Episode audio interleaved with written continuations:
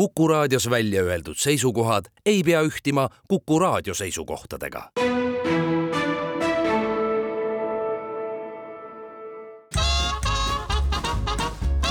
jäljed gloobusel. Tervist, kallid kuulajad, on äh, jõudnud kätte oktoobriga saate Jäljed gloobusel äh, perele ja meie pere on äh, tavapäraselt kaheliikmeline, sinna kuuluvad Väino Laisaar ja Andres Karu, tervist. suur tere ka minu poolt ja me oleme oma jälgedega ikkagi trampimas siin äh, Euroopa pinna peal ja nippa-nappa võib-olla öeldakse, et isegi osa sellest jäljest võiks äh, maanduda Balkani poolsaare äärele nii võib öelda küll täitsa vabalt. Muide jäi ütlema, et, et meil on kuuekümne seitsmes saade, see tähendab, et kaks kolmandikku esimesest sajast saab nüüd selle saatega tehtud ametlikult juba kuskil saate esimese kolmandikuga, nii et oleme, oleme vaprad ja peame, peame vastu. tõepoolest, paljud juba hammustasid muidugi läbi, et kui me räägime, et natukene riivab see riik ka Balkanit, millest me täna räägime, et tõepoolest see riik on Sloveenia väga suure tõenäosusega sloveenlased iseennast Balkani, balkanlasteks ikkagi ei pea, sest juba allpool olev Horvaatiad või horvaatidel on selle nimetusega kõva kana kitkuda ja nemad kutsuvad ennast väga kõlavalt ikkagi eurooplasteks pigem kui eh, siis eh, balkanlasteks. nii et mis nendel ülevalpool olevatel slovaanid, sloveenidelgi muud üle jääb. ja, ja kuidagi vaata, mul on nagu hästi meeles ka see, et kohe, kui hakkasid nagu noh, Jugoslaavia lagunemine ja kõik muud jamad hakkasid pihta, on ju, eelmise aastatuhande lõpus, siis, siis mõnusasti Sloveenia juba noh, absoluutselt kohe hakkas distantseeruma sellest kõigest, ütles ei, mina küll siin teie kõigiga sõdima ei hakka, lõpetage ära nagu, et, et ärge jamage. Ja, ja tegelikult nad tegid seda väga targalt, et noh,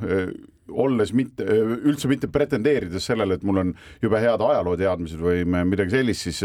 noh, ikkagi see pilt, mis ma, ma just mäletan, et ma ei olnud Sloveenias käinud, on ju, käisin seal esimest korda alles aastal kaks tuhat neli ja, ja, ja endi, enne seda juba oli mulle see kuvand nagu tekkinud, et sloveenid on targad, nad ei rapsi teevad mingeid asju ja, ja selle tulemus on see, et noh, et nad Nad üsna, üsna kiiresti said eh, nii-öelda Ida-Euroopa riikidest eh, kõige edukamaks eh, noh, nii-öelda Euroopa Liidu liikmeks kõige paremad sissetulekud, kõik asjad on neil hästi, oskavad naabritega läbi saada ja naabreid on neil ju päris mitmeid. absoluutselt, naabreid on teil siis niimoodi, et piirneb ta Itaaliaga, Austriaga, Ungariga ja lõpuks ka Horvaatiaga, mis juba jutust äh, läbi käis, on ju. aga see, et nad on võimelised vastu võtma tarku otsuseid, see tuleneb ka jälle ajaloost, sest ega ka nende ajalugu äh, tänu oma sellisele väga heale asukohale ei ole sugugi olnud äh, väga rahulik ja mm, -hmm. ja nad on saanud oma diplomaatilisi oskusi siis nii-öelda harjutada erinevate valitsemiste all ja Slovaan- või Sloveenia on olnud siis Rooma riigi Karantaania vürstiriigi, Saksa-Rooma riigi Austria-Ungari, sloveenide, Horvaatia ja serblaste kuningriigi, Jugoslaavia kuningriigi ja lõpuks Jugoslaavia sotsialistliku föderatiivse vabariigi osa. Ja lõpuks siis eh, nii-öelda vabaduse kellad lõid ikkagi ühel hetkel eh, helisema ja, ja kahekümne viiendast juunist tuhande üheksasaja üheksakümne esimesest aastast on nad siis nii-öelda iseseisev ja täiesti vaba riik.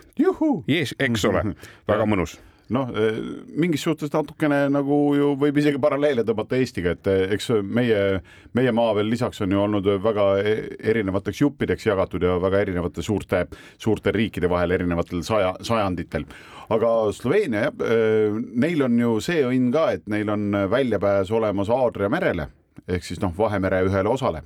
mis ühtlasi on seotud ju maailmamerega ehk siis Atlandi ookeanile saab ju Vahemere kaudu mõnusalt välja, et see rõõm on ka neil olemas ja absoluutselt, ühe asja veel tahan ära märkida, et ega see vabaduse väljakuulutamine neil ka väga lihtsalt ei läinud, noh, ajaloos, ajalugu arvestades on ju, et kahekümne kolmandal detsembril tuhat üheksasada üheksakümmend hääletas siis kaheksakümmend kaheksa protsenti või natukene üle sellest valijaskonnast iseseisva ja sõltumatu Sloveenia poolt. paberite kordategemine ja kokkukirjutamine võttis natukene aega, senikaua kuni siis sekretäriaat sai paberid vormistatud, pandi allkirjad alla, siis pamprapaa järgmisel päeval tungisid riiki ikkagi Jugoslaavia väed järgnes kümnepäevane sõda, mille järel siis ikkagi lepiti kokku, et eh, Sloveenia on nüüd iseseisev ja teie minge oma asju edasi ajama ja, ja, ja pärast seda nad saidki rahulikult oma riiki üles ehitama hakata. Eh, võib-olla kui ma nagu lihtsalt vahepõikena kohe üks eh,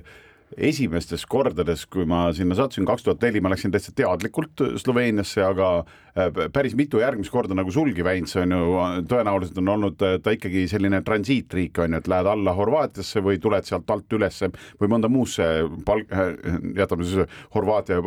ja Balkani,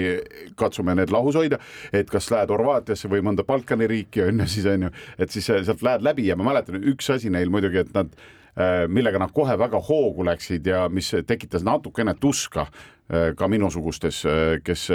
noh, olid võib-olla mingid aastad tagasi, paarkümmend aastat tagasi olid ikkagi nagu jupp maad vähem edukad võiks niimoodi öelda ja palganumbrid olid väiksemad, oli see, et nad kohe kehtestasid mingi nii-öelda selle vinjetitasu või see, et kiirteede Äh, läbimisel makstav äh, äh, rahasumma oli täitsa suur summa ja seal ei olnud nagu võimalust, et sa võtad nagu, et ma ühe päevaga sõidan teie riigist läbi, on ju, mind noh, ja olengi läinud, et ärge muretsege, et ma ei kuluta siin nädalate kaupa teie teid. aga sul oli võimalik osta vist mingi miinimum oli, et noh, vist nädalane vinjett. jah, tavaliselt ta kipub olema, kas on nädalane või on siis seitsmepäevane, mõnes üksikus riigis on ka ühepäevane no just ja siis äh, alguses oligi see, et sul polnudki valida ja kui ma õigesti mäletan, see oli umbes see, et noh, sul oligi vaja sealt ainult läbi sõita, mingi kaks tundi oled riigis ja, ja siis sa pidid nagu selle eest mingi noh, stiilis kaheksakümmend eurot umbes ära andma. Ja see tekitas küll algselt äh, tuska, see, see aeg on möödas, võin ma ka öelda, et äh, sa just käisid, kas oli mingit maksu seal? ja oli ikka, üle piiri esimeses bensiinijaamas pidin ikkagi taotlema endale selle talongi, mul nüüd ei jää selle nimi või mitte nimi, vaid selle summa ei ole meelde jäänud ju ta ei olnud mingi märkimisväärne. väga suur, eks ole. ja, ja ei midagi karta ei ole, küll aga ma pean ütlema, et need inimesed, kes Eestist asuvad äh, Euroopa poole teele ja kellel on näiteks kastikas või mingi suurem kaubik, siis esimesed teemaksud tuleb tegelikult ära maksta juba Lätis ja Leedus Poola saate uhada sirgelt läbi, nii et silm ka ei pilgu, aga siis, kui juba sisenete näiteks Slovakkiasse, mille kaudu, rõhutan, on alati sinna allapoole tore minna, siis juba sealt tuleb hakata maksma ja Ungarid ja kõik need ülejäänud asjad ka riburada pidi Eh, järgi, nii et eh, ei ole ka see Sloveenia oma teemaksu osas eh, midagi sellist erilist mm. -hmm mis me Sloveenia kohta veel oskame öelda, kuidas on neil mingeid suuremaid jõgesid, järvi, midagi ka pakkuda või on ainult Sloveenia alpid? Neil on tegelikult pakkuda pealinn, mille nimi on Ljubljana Mm -hmm. mis üllataval kombel ei ole mere ääres, sest mina oleks teinud selle sinna mere äärde. Neil on seal mere ääres üks igavesti tore ja, ja ilus linn olemas. nüüd peast praegusel hetkel kuulsin, käis šiuh ja see kustus mälusagaratest, aga, aga ma tuletan selle endale meelde. ühesõnaga, see pealinn Ljubljana on neil keset riiki ja, ja, ja kui keset riiki üks Sloveenia üldse või see pealinn seal Sloveenias olla saab, siis tegelikult ütleme mõõtmete poolest on ta Eestist peaaegu poole väiksem kakskümmend tuhat kakssada seitsekümmend üks ruutkilomeetrit ja mhm. kaks koma üks miljonit inimest eh, elab sellel pisikesel maal ma pean ütlema, et see väiksus on nagu midagi väga imelist. ma mäletan sellist asja, kui ma olin kaks tuhat neli, ma olin tegelikult ainult ühe korra olin äh, tol hetkel äh, Sloveenias käinud äh, või võib-olla läksin kaks tuhat seitse, ma korra vist hüppasin sealt ka läbi ja siis me läksime koos elukaaslase Tiiaga, läksime kas kaks tuhat üheksa või umbes niimoodi sellisesse toredasse riiki nagu Suurbritannia ja siis olime parasjagu Šotimaal kus on Suurbritannia kõrgem tipp, Ben Nevis on tema nimi ja Ben Nevise nõlvadel me kohtusime ühe iraanlasega. Ja, ja mulle oli Sloveenia kuidagi nii hinge läinud, et see iraanlane, kes oli kuuskümmend pluss niisugune härrasmees, kellel meeldis jubedalt mägedes ronida, siis tema nagu küsis minu käest sellise asja, et kuule, Andres, sa oled palju maailmas ringi käinud. Ütle mulle mõni soovitus, kuhu ma võiksin mõne noore niisuguse viiekümne nelja aastase kaasa võtta ja minna temaga koos nagu matkama, et kus on nagu tore riik ja, ja millegipärast ma ütlesin esimesena Sloveenia, siis ta küsis, miks? Ja ma oskasin seda tol hetkel põhjendada niimoodi ja ma, ma olen, jään selle juurde ka praegu, et Sloveenia ongi täpselt see, et kui sa oled Ljubljanas, nagu sa ütlesid, keset riiki, siis sa ärkad seal hommikul hotellis või kus iganes sa on ju ööbid ärkad ülesse ja sul on valik kas sa teed niisuguse pooleteisttunnise autosõidu ja oled äh, Aadria mere ääres ja viskad ennast lainetesse või sa pöörad nina natukene teisele poole ja sõidad äh, mägede vahele ja oled seal või siis lähed, sul on ka võimalus see, et täpselt samamoodi tunni või maksimum pooleteisega võid sa olla ka Horvaatia mõnes toredas söögikohas söömas või sa võid olla Itaalias on ju, et noh, see ta on selles suhtes väga äge riik. natukene rohkem on... sõites jääb juba Monaco sinna ja, ja üle Alpide hakkad ronima, siis on veel igavene keredes riike, nii et põhimõtteliselt on selline huub jah, ega Kanadagi ongi ainult ju teisel pool teisel pool on ju Atlandit, eks ole, aga tegelikult jah, hästi tore, kompaktne, vahva riik, nii et igal juhul pöidlab püsti nagu selle riigi nime taha. Ja üks asi, mis mul oli veel kaardile märgitud, aga ma ei ole sinna pihta saanud ja nüüd see viimane reis, kui me siis eh, Sloveeniat väisates eh, sõitsime Horvaatiasse, on siis Edela-Sloveenias on siis, ma võin hääldusega nüüd jälle eksida, aga see on Toksja, Tkosja koopad on ju mm -hmm. UNESCO äh, maailmapärandisse kuuluvad, et, et seal on mul kaardi peal täpp olemas, aga, aga sinna ma veel koha peale jõudnud ei ole, küll me jõudsime ühte toreda nimega äh, selline veinihõngulisse torni. Veini seal muidugi noh, maast laeni ei olnud, aga sellest me jõuame ka rääkida. aga üks asi, millega ma tahaks Sloveeniale suure pai teha või tegelikult vaadates kella tundub, et paus tuleb peale ja teeme selle pai siis juba järgmise sessiooni alguses. jäljed gloobusel. tere tulemast tagasi, kuuekümne seitsmes saade Jäljed gloobusel räägib Sloveeniast. Ja enne pausi jäi Väint sul pai tegemata sloveenidele ja me ei tea, mille eest, räägi ja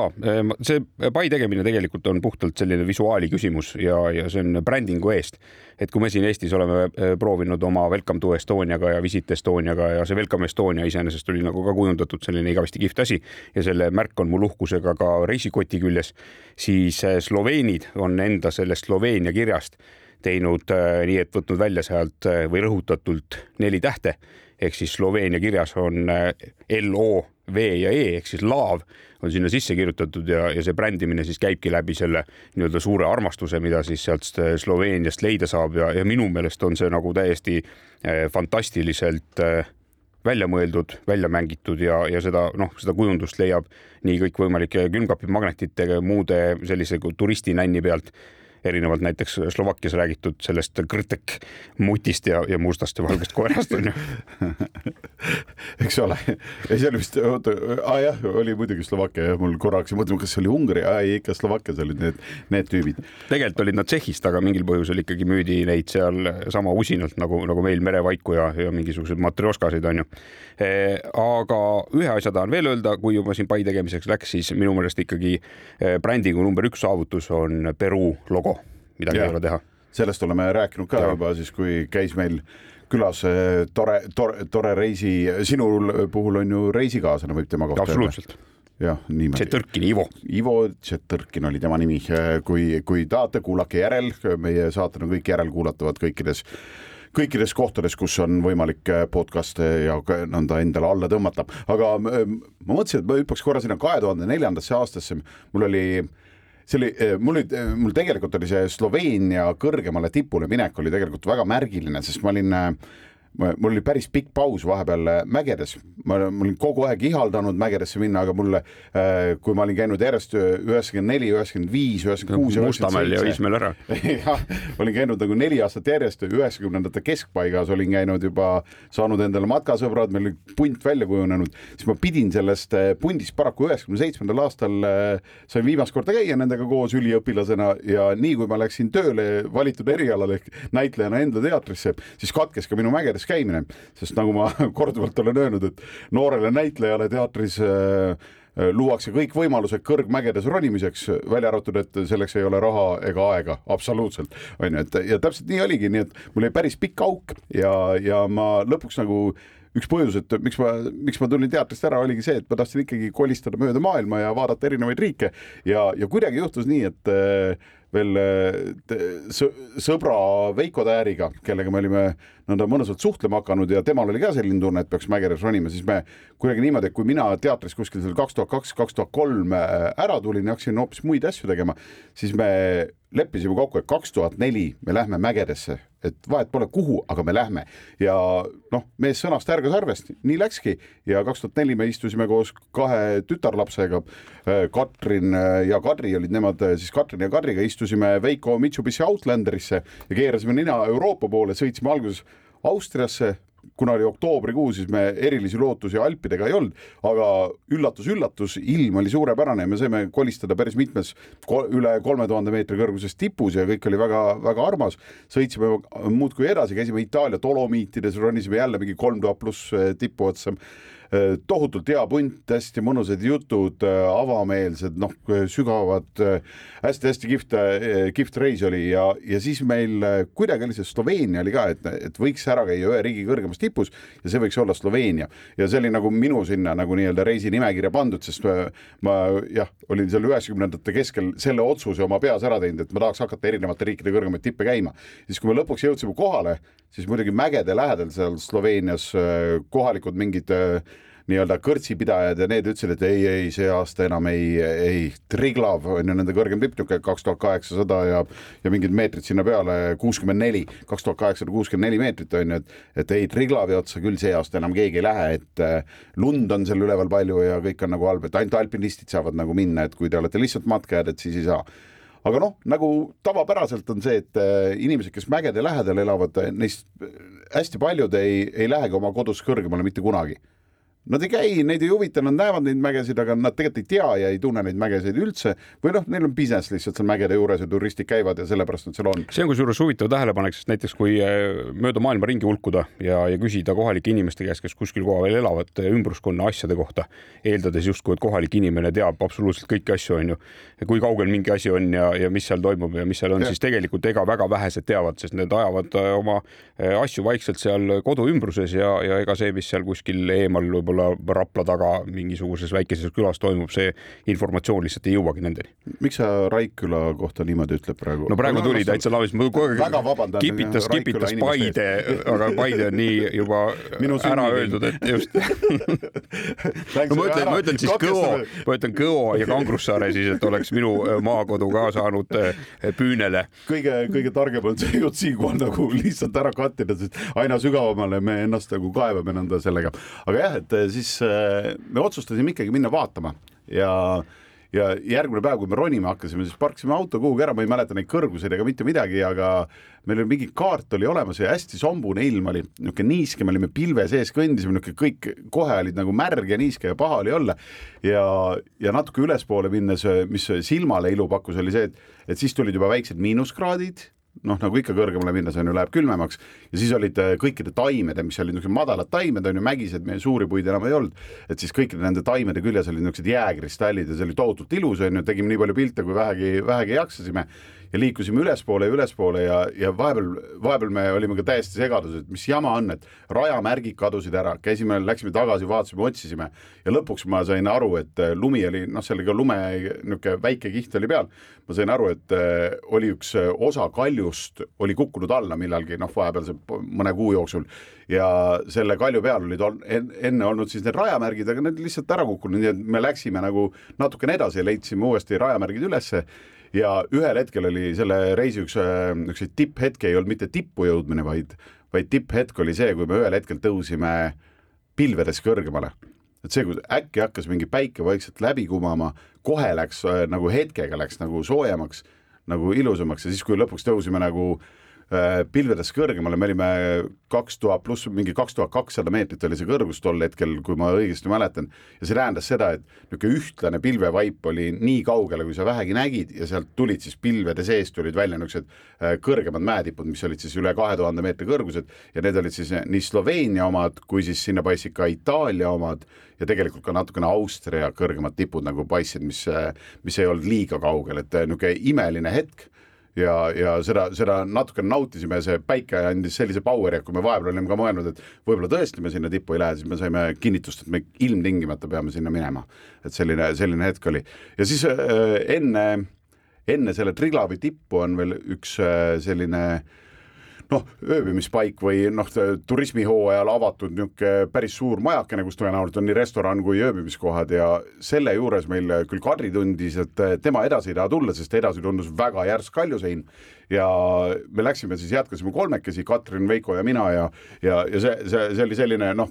saab siin paar saadet tagasi, sa rääkisid ka see Via Ferratast on ju, kus olid siis eh, pulgad löödud kalju sisse ja umbes selline rada oligi, on ju, kõndisime, hoidsime pulkades kinni ja läksime ülespoole, ületasime eeltipu nimega Malenki Triglav ehk siis väike Triglav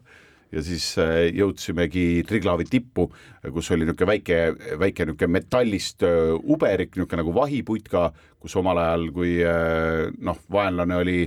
oli maa peal liikvel, siis seal tõepoolest ka oli tunnimees kogu aeg varjul, on ju, vaatas, hoidis silma peal ja ja tõesti endiselt oli siis see, et see valge vatt oli all ja ainult kõrgemad tipud paistsid sellest välja, et noh, imeline tippu tõusmine see on tore, kuidas see piirkond on tegelikult läbi risti-rästi põimunud sellisest slaavipärastest või venepärastest sõnadest, mida, millest on noh, võimalik aru saada, onju. noh, küll mhm. mitte kogu jutust, aga ikkagi üht-teist jääb kumama. ja, ja alati, kui ma selles piirkonnas olen ja nüüd sa praegu käivitasid jälle sellesama asja, et minu lemmiksõna sealsamas allotsas Horvaatias on ikkagi see servo-horvaadikeelne WC tähis, mis on siis nužnik mis nagu, nagu nii selgelt ära ütleb, et mida seal, mida sealt saab ja mida seal tegemas käiakse. üks asi, mis mul tuleb veel selle Triglavi otsa ronimisest meelde, et et ta on küll puhtalt trekkingu tipp, et seal on paar niisugust kohta, mis on julgestatud kas redeli või siis nende metallpulkadega, nii et kellel on tugev kõrguskartus, teil ma ei soovita minna või siis nagu teha seda väga rahulikult ja varuda selleks aega, aga seal päris ohutu ei ole, et äh, paraku Triglavil ja Triglavi tippu ronides äh, saab iga aasta peaaegu saab ikkagi mingi ports inimesi surma. vahel võib-olla mõni aasta ka mitte keegi, aga kõige, kõige suurem riskifaktor ei ole seal mingi kiviga pähe saamine või kaljult alla kukkumine, vaid kõige rohkem inimesi hukkub tegelikult äikese tõttu ja äike teatavasti ei löö tavaliselt mitte tippu, vaid ta lööb kas mingi kaetipu vahele harja sisse, ta lööb nii-öelda harjast veidi madalamale lauge külje sisse, kuhu sa võib-olla jooksed äikse eest, enda arvates jooksed mäenõlva mööda alla, et minna äikese eest varju, aga tegelikult äike just seal sind tababki. nii et äh, kes lähevad Triglavit ronima, olge ettevaatlikud ja kartke lähenevaid tumedaid pilvi, sest seal võib peidus olla surm sellega sellega on hea hetk teha väike paus. jäljed gloobusel Karu ja Vänts on stuudios tagasi ja sel korral teeme oma jälgi Sloveeniasse. ja enne kui me läksime pausile, rääkisid sa põneva loo sellest, et välk ei taha mitte lüüa mäetippu, vaid kuhugi hoopis eh, natukene nurga taha, natukene allapoole. jäin mõtlema, miks see nii võiks olla ja siis meenus, et eh, olümpuse tipus oli ju Zeus, kes välgunooltega väga ulakalt ringi käis ja, ja võib-olla vanal ajal, kui informatsiooni vähe oli ja info ei levinud, siis võib-olla sellepärast ta igaks juhuks nagu neid muid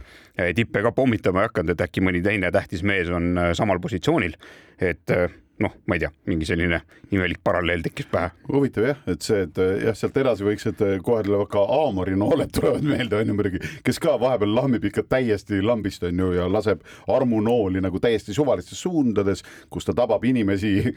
või noh, näiteks inimpaari, kes tegelikult ei tohiks kuidagi omavahel kokku saada, vahel tekib niisugune mõte. aga noh, selline see elu on ja muidu oleks ju ka ikka väga igav ja, ja poleks teistel jälle midagi rääkida ja poleks, mille üle naerda, eks ole. absoluutselt niimoodi, aga me, meil siiski täna on plaanis äh, peamiselt rääkida Sloveeniast ja äh, meil korra käis enne läbi ka Ljubljana, nende pealinn ja ma arvan, et see on, see on, Ljubljana väärib ikka nii mõndagi minutit äh, meie saatest, ma pean ütlema, et kaks tuhat neli me juba käisime ka oma pundiga, me ei saanud kauaks jääda, aga mis mulle kohe nagu meelde jäi, et ta meenutas mulle väga Tartut, ta on loomulikult palju suurem kui Tartu, aga just see, et ka neil voolab mõnusasti jõgi sealt läbi Äh, neil on selliseid äh, tänavaid, mis on mõeldud ainult jalakäijatele, neil on, neil on selliseid kohvikuid, aga neil on kuidagi mindud nagu järgmisele levelile, et neid näiteks jõe kalda sees on palju kohvikuid, et sa lähed nagu, no sa oledki nagu vee kohal, on ju, nagu umbes ja siis äh, saad, saad olla seal kohvikus. hästi palju on tänavamuusikuid, hästi palju, noh, ta on selline hästi niisugune kuidagi Kesk-Euroopa hõngu on seal ikkagi oluliselt rohkem kui näiteks meie koduvabariigis ja näiteks Tartus on ju, millega ma, millega ma Ljubljanat võrdlesin ja muidugi see, mida noh, kui Tartus on ka seal püssiroo keldri peal on nagu päris tore, on ju äh, künkakene on ju ja äh, to-, Toome, Toomemägi on ju, on ja, ja sellised siis asjad siis äh, olgem ausad, Sloveenias ja nende pealinnas Ljubljanas on ikka oluliselt suurem mäekene keset linna, mille otsa on tore jalutada, umbes lähed nagu olekski täitsa nagu linnast väljas ja metsas, aga kuskil eemal näed autosid liikumas ja inimesi ja, ja kõiki muid transpordivahendeid ja, ja kuulmas nende hääli ja pean äh, muidugi ütlema, et Ljubljana mingil põhjusel on minu reisikavast alati jäänud kaarega mööda, sest mingil põhjusel on äh, see Sloveenia sattunud tee peale sellisel hetkel, kui on vaja sõita hoopis kuhugi teise kohta mm. -hmm. nii ka sellel viimasel reisil, kui me sinna Horvaatiasse sõitsime, me käisime seal Sloveenia alguses nii-öelda Ungari poole pealt tulles ühes toredas, ühe toreda vaatamisväärsuse juures, sinna on üles vinnatud üks tore terasest torn, mille nimi on Vinarium Tower ja, ja see helkis nagu sellise äh, veinisõbra majakana juba kaugel kaari peal ja, ja panin täppi sinna peale, et sinna meil on vaja minna. Ja ta asub siis põhimõtteliselt sellise koha peal, et äh, kui nüüd kaardile otsa vaadata, siis Slovakkial on selline Buratino nina veidi allapoole Sloveenial. Mm -hmm. selline Buratino nina, mis siis torkab ennast Ungari ja Horvaatia vahele ja täpselt selles vahel, vahelises punktis eh, see on ja, ja ta on siis eh, viiskümmend kolm koma viis meetrit kõrge torn eh, ja asub kolmesaja kahe meetri kõrgusel merepinnast. ja, ja seal on see huvitav asi, et täiesti kaasaegne, väga kihvt, selline nagu veits krussi keeratud torn, ülesse saad minna kas siis jala treppidest, et ikkagi peale pikka automatkapäeva saada noh, puusad tööle on ju, saad lihased jälle liikuma. Ja kui ei viitsi, siis saad minna ka liftiga ja lift muidugi läheb eelviimasele korrusele, et seal on selline väike galerii eh, aknad ees, noh, selline nii-öelda ilmastikukindel versioon, saad seal tiiru ära teha ja siis tõusta treppe mööda sellesse kõige ülemisse tippu. Eh, ja kui me siin nüüd selles Slovakkia saates rääkisime, et Slovakkia on niisugune põnev riik, kus on hästi palju toredaid asju, mida teha ja kõik on väga odav nii-öelda turisti eh, mõistes, siis Sloveenia, pean tunnistama, jätkas seda rada. näiteks sissepääs sellesse torni täiskasvanud inimesel maksab seitse euri on ju mm -hmm. imetabane ja kui sa oled pere, igavene hulk lapsi kaasas, siis saad neljateist euriga sinna tippu minna ja, ja kui sa seal tipus oled, siis on äh, niimoodi, et sealt avanevad vaated, kuna ta on seal riikide nii-öelda nurgas koos, nii Sloveeniale, Ungarile, Horvaatiale ja ka Austria mäed on seal näha ja nagu me sinuga siin enne ütlesime või sina ühesõnaga palusid edasi öelda, et kui väga terava silmaga vaadata, siis näeb sealt tõenäoliselt ka Itaalia Alpe, mis on noh, põhimõtteliselt sealsamas kõrval, aga mm -hmm. seda ei oska nii terava silmaga ei ole vaadanud. no Dolomidid seda... isegi lähemal jah. absoluutselt, et seda ei, ei oskagi nagu eh, kohe ei, kaardile kinnitada ja mm -hmm. öelda, et see nii on, aga käige sealt kindlasti läbi, kui see vähegi teile tee peale satub. ja olgugi, et see nimi eh, on selge viitega veinile, siis see on keset eh, imetabase loodusega veini piirkonda ühe sellise eh, nii-öelda mäenõlvastiku otsas, eh, igale poole külgede peale lähevad siis eh, mäeorud, seal on meeletus koguses igasuguseid viinamarjasid kasvavad ja, ja visuaalses mõttes on see ikkagi täiesti fantastiline koht ja see on ühtlasi ka Sloveenia kõige kõrgem vaatetorn. Olgugi, et see torn ei ole maastlaeni suure tünnina veini täis, on seal kõvasti erinevat taristut eh, selle torni juurde ehitatud, kus saab proovida nii-öelda eh, sealseid veine. seal on olemas ka väike bistroo, kus saab siis pärast seda tipu võtmist, kui seda nii võib öelda, teha väikese jäätise, juua kohvi, nautida kohalikku külma valget veini või siis tavalisel temperatuuril punast veini, nii et kui, kes satub sinnakanti sõitma, siis igal juhul panen oma selle nii-öelda soovitava, soovitusliku pöidlajälje sellele plaanile juurde, käige läbi, vaadake kindlasti üle. Ja mul veiniga, mis meelde tuleb, et viimati ma käisin kahe tuhande kahekümne esimese aasta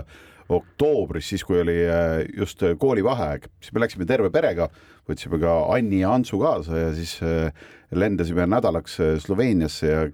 rentisime auto, käisime seal ringi mere ääres igal pool sõitsime, vaatasime siis äh, me sattusime ka vahepeal paariks ööks nagu äh, jäime, noh, nagu lastega ikka on, et äh, kui,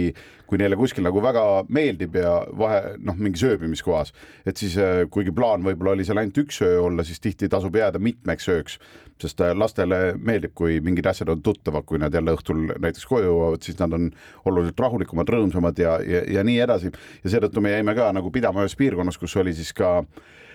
mõnus mägede vahel jalutada, seal olid tohutud äh, viinamarja istandused, kõik oli väga-väga kena ja siis seal oli ka selline veinipurskkaev ühes kohas, et nimetati mm. küll purskkaevuks, aga see, ta, ta päris ei olnud, et ja seal, seal tuli muuhulgas siis ka nagu seina seest oli võimalik, et ostsid endale põhimõtteliselt äh, nagu no turistilõks ikka muidugi, et ostad nagu selle kohaliku logoga selle veiniklaasi, mis on siiamaani mul kodus alles, isegi kaks on ju,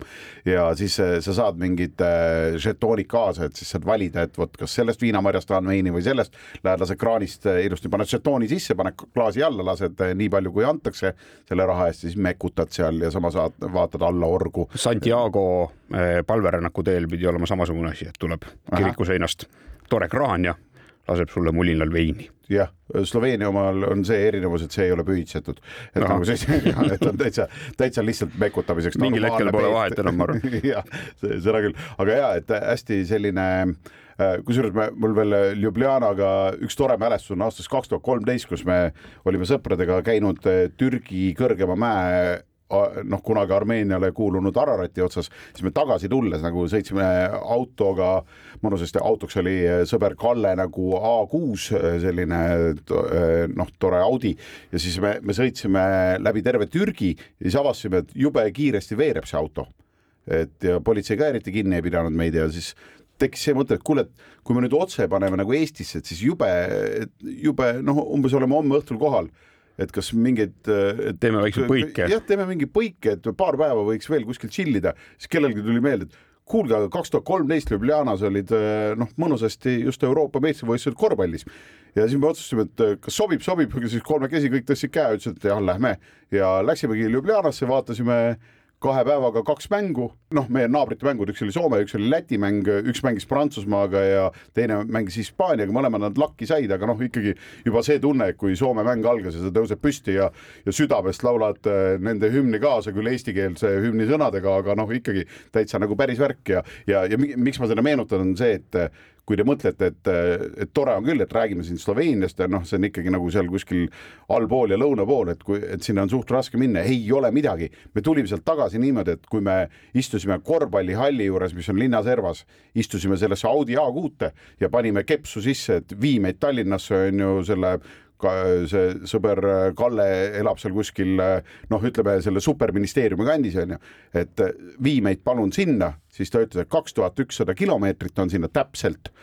ja me olime tema kodu ukse ees täpselt kakskümmend üks tundi hiljem, ehk siis keskmine kiirus tuli sada kilti tunnis. ehk siis, kui te küsite, kui kaugel on Ljubljana ehk siis Sloveenia pealinn, Sloveenia pealinn on Eestist vähem kui ööpäeva kaugusel autoga minnes. ja mulle üks asi tuli meelde, kui me siin enne rääkisime teemaksust, siis näiteks üks asi, mida tuleb Sloveenia puhul arvestada, on see, et kui te sõidate mööda neid kiirteid, siis kiirteede ääres on kütus meeletult kallis. nüüd siin ütleme eelmisel kuul eh, oli üks koma kaheksa millegiga oli diisel mm. -hmm Eh, aga kui keerad sealt pealt maha, lähed külade vahele, siis igal pool on üks koma neli, üks koma viis. nii et selle arvestusega tuleb siis seda Sloveeniat läbida. kas sinist diislit ka said? sinist ei saanud. ei saanud, noh vot seda ei anta jah, igal pool. Eesti ei ole selles suhtes mingi erand. me oleme mõne hetke pärast teie kõrvades tagasi. jäljed gloobusel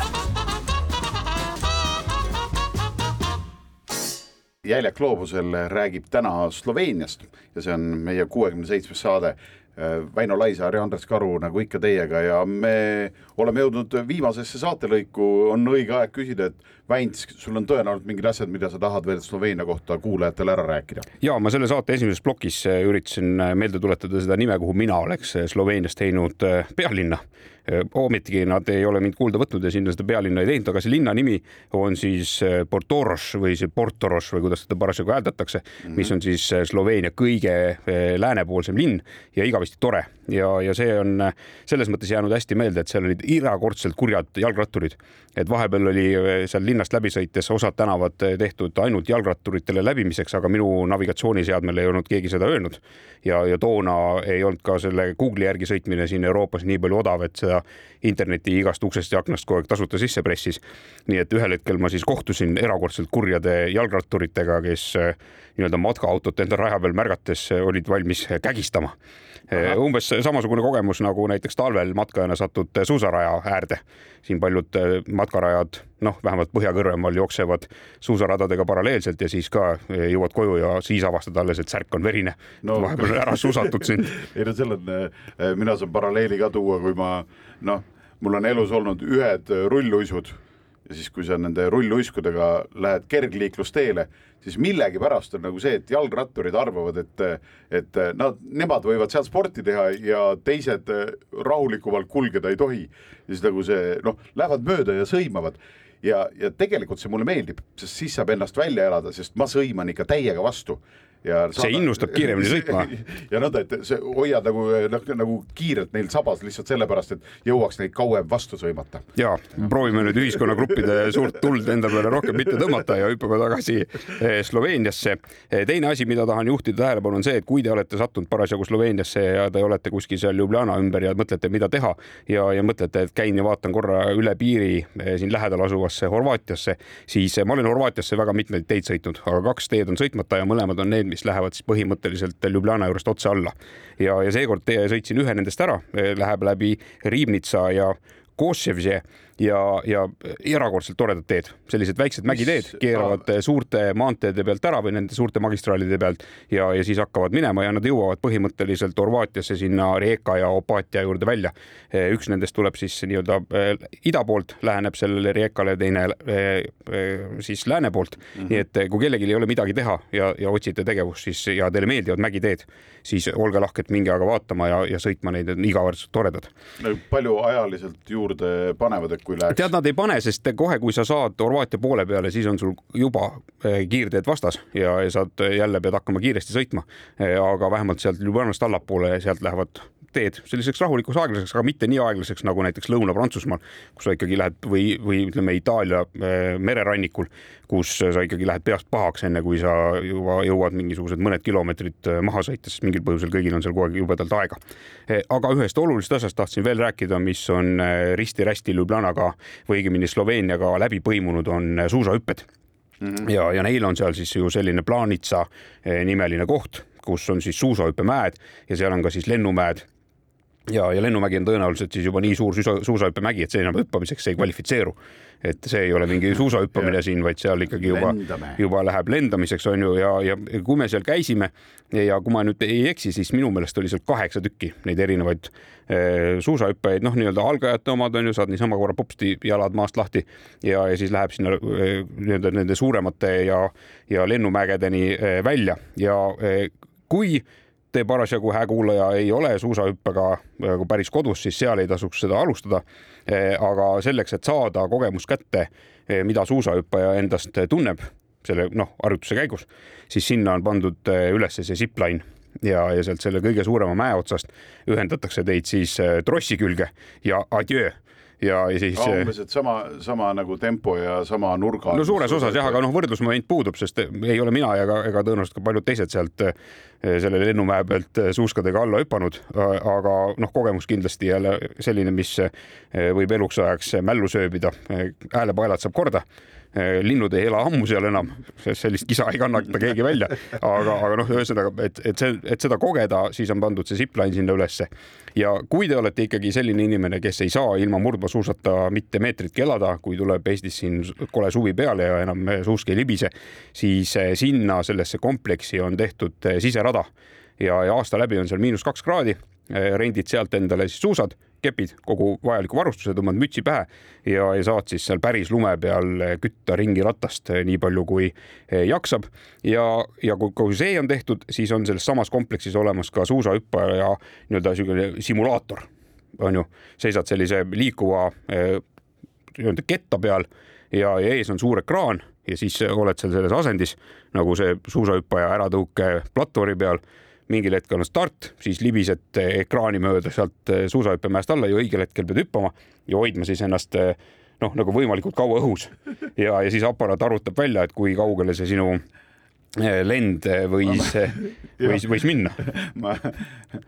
ma oleks tahtnud seda kõrvalt filmida, kui sa seda tegid. et äh, mulle meeldib nagu see, et vaata meiesugusel on nagu see, et äh, vabandust, ma teen sulle natuke liiga, sest äh, ma olen selgelt jämedam kui sina praegu. aga no lihtsalt see, et vaata suusahüppajad ju noh, nad on vist äh, raskemad meessuusahüppajad hüppajad on vist kakskümmend kilo täis, ma arvan, on ju. et nagu teised on natukene kergemad ja need saavad ka medalid tavaliselt kaela, on ju, eks ole. et see on ikka noh, meiesuguseid kuskil harjutamas suusahüpet oleks päris, päris fun kõrvalt vaadata, kusjuures kes ei ole üldse käinud mitte ühegi suusahüppe nõlva peal, isegi mitte, ma ei tea, Tallinnas Nõmmel äh, või, või kuskil noh, Otepääl on ju, et äh, neile ma pean ütlema muidugi seda, et, et te võite olla kui tahes julge inimene aga kui te lähete mingi vähemalt selle seitsmekümne meetri või üheksakümne meetri mäe, mitte sinna üles torni, vaid piisab sellest, kui te lähete sinna, kus äratõukeplatvorm on ja vaatate seda maandumisnõlva, siis noh, kui, kui minu sõprade hulgas on keegi, kes on äh, nõus sealt kelguga näiteks noh, tavalise kelguga alla sõitma, no ma olen valmis kohe õlle välja tegema, sellepärast et ma ütleks, et mina ei ole kelguga on muidugi keerulisem ka, sest sellel pole pidurit, sa ei saa all seisma seal ennast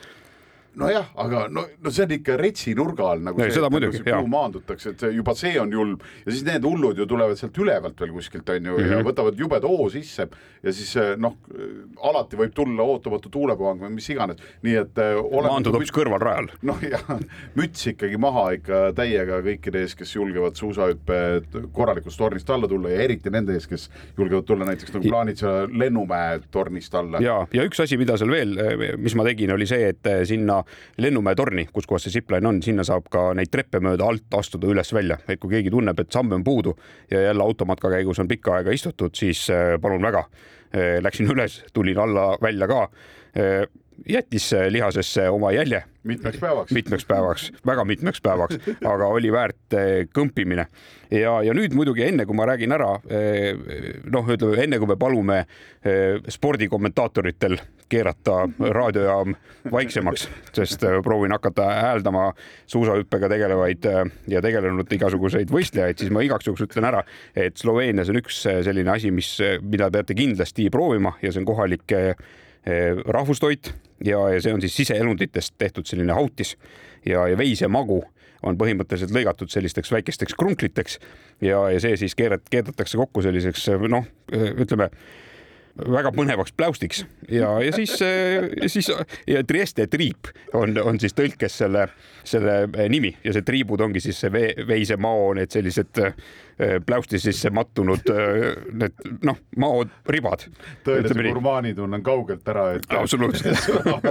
Siuke... kuule, hoiatame siis ka, et palun kõik, kes vähegi on elus nagu süüa teinud ja natukene toidutehnoloogiat õppinud, keerake ka teie nüüd oma raadiot natuke vaiksemaks. ja, aga olen, olen endiselt seda meelt, et reisida tuleb ikkagi väga erinevate meeltega, et see, kui sa lihtsalt silmaga vaatad ja kõrvaga kuulad, see on ainult pool harjutusest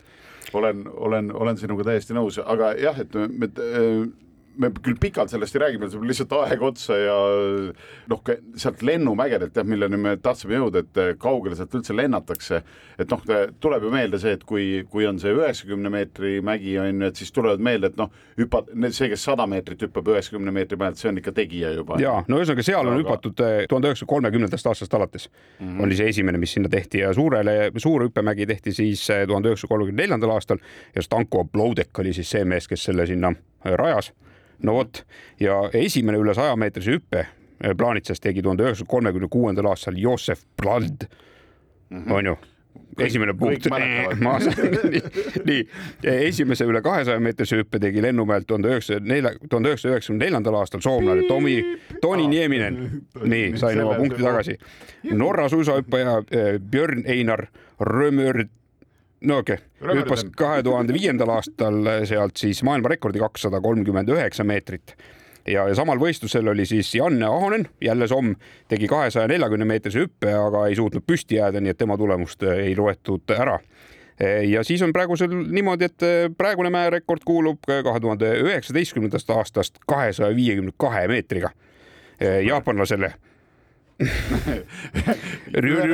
Kobayashi nimele. Noh, on ju, ja, ja, ja pikim hüpe sellelt mäelt on siis sooritanud äh, kahe tuhande kaheksateistkümnendal aastal äh, sakslane tõenäoliselt, Gregor. Slirensauer. no just. Ja, ja tema hüppas kvalifikatsioonis kakssada viiskümmend kolm ja pool meetrit, kuid puudutas maandudes kätega maad ja tema tulemus ka kirja ei läinud nii et selliste no, spordiuudistega oleme jõudnud oma selle saate lõpuni. jumal tänatud, et me kunagi oma kompetentsi ei ületa, ju, kui me millestki räägime. latti ei tohi lihtsalt liiga kõrgele panna. aga aitäh kõigile kuulamast, tõepoolest aeg tiksub armutult ja Väints ja Karu saavad teile öelda aitäh, et olite meiega. me proovime panna ikka teile aeg-ajalt ka meie Facebooki nii-öelda Jäljak gloobusel lehele mõned pildid üles ja kui teil on meile midagi öelda, siis sealtkaudu saab meiega mõnusasti ühendust võtta. aitäh kõigile. meil on suur rõõm, et olete meiega ja püsige avarad. Jäljed gloobusel